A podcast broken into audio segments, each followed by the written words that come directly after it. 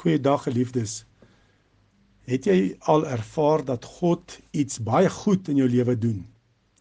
En uh, as jy jouself weer kry, misbruik jy hierdie seëning wat God vir jou gegee het. En so was dit die geval met die Israeliete tydens hulle reis deur die woestyn op pad na die beloofde land. Die Here het hulle voorsien op 'n bo-natuurlike maniere. Ons lees in Eksodus 16 dat hulle manna as brood en kwartels as vleis ontvang het vanaf die Here. En die Here het spesifieke instruksies gegee hoe hulle die manna bymekaar moes maak en eet. Die Here het gesê dat elkeen net bymekaar moes maak wat hy of sy nodig gehad het vir die dag. Die manna mag nie oorstaan en geberre word vir die volgende dag nie. So lees ons dan dat Moses vir die volk gesê het, Eksodus 16 vers 19 en 20. Niemand mag iets daarvan laat oorskiet tot môreoggend nie. Maar hulle het nie vir Moses geluister nie. Partye het daarvan die volgende oggend laat oorstaan, maar daar het miet ingekom en dit het gestink. Moses was woedend oor wat hulle gedoen het. Nou hoekom eh, was Moses woedend?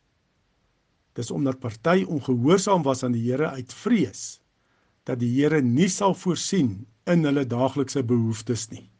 Dat die Here nie vir die volgende dag sal voorsien nie. Die Here het hierdeur vir sy volk geleer om daagliks te vertrou in sy voorsiening in hulle behoeftes. Hy wil hê dat sy volk hom moet vertrou een dag op 'n keer.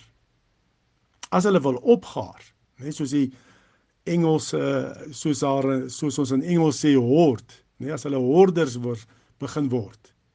Het die Here 'n selfvernietigende eienskap in die manna geplaas. En tog het die Here vir sy volk gesê in verband met die sewende dag van die week. Môre is 'n rusdag, 'n gewyde Sabbat van die Here. Maak alles gaar. Bak wat jy wil bak en kook wat jy wil kook. En wat oorbly, nadat hulle julle geëet het, moet julle wegsit en bewaar vir môre. Eksodus 16 vers 23. So die 6ste 6de dag moet hulle dubbeld gaan bymekaar maak.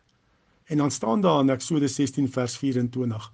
Hulle het dit weggesit tot die volgende oggend soos Moses beveel het en dit het nie sleg geword of miet gekry nie. Want natuurlik, dit was volgens die Here se wil.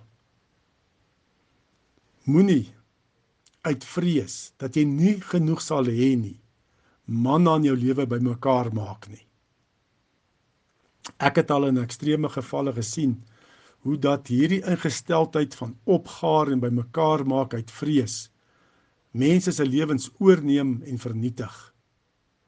Dat mense soveel dinge opgaar dat dit hulle totale lewe oorneem en hulle nie meer normaal kan funksioneer in hulle huise nie of dat hulle reeds alles verloor wat hulle met soveel ywer en noukeurigheid opgegaar het. Reeds verloor in dit waarna hulle waarin hulle hulle vertroue gestel het. Dit is 'n Bybelse beginsel om te spaar. Maar dit mag nie wees om op te gaar uit vrees dat God nie sal voorsien nie. Baie keer is ons ongehoorsaam aan die Here aan wat die Here in sy woord sê uit vrees.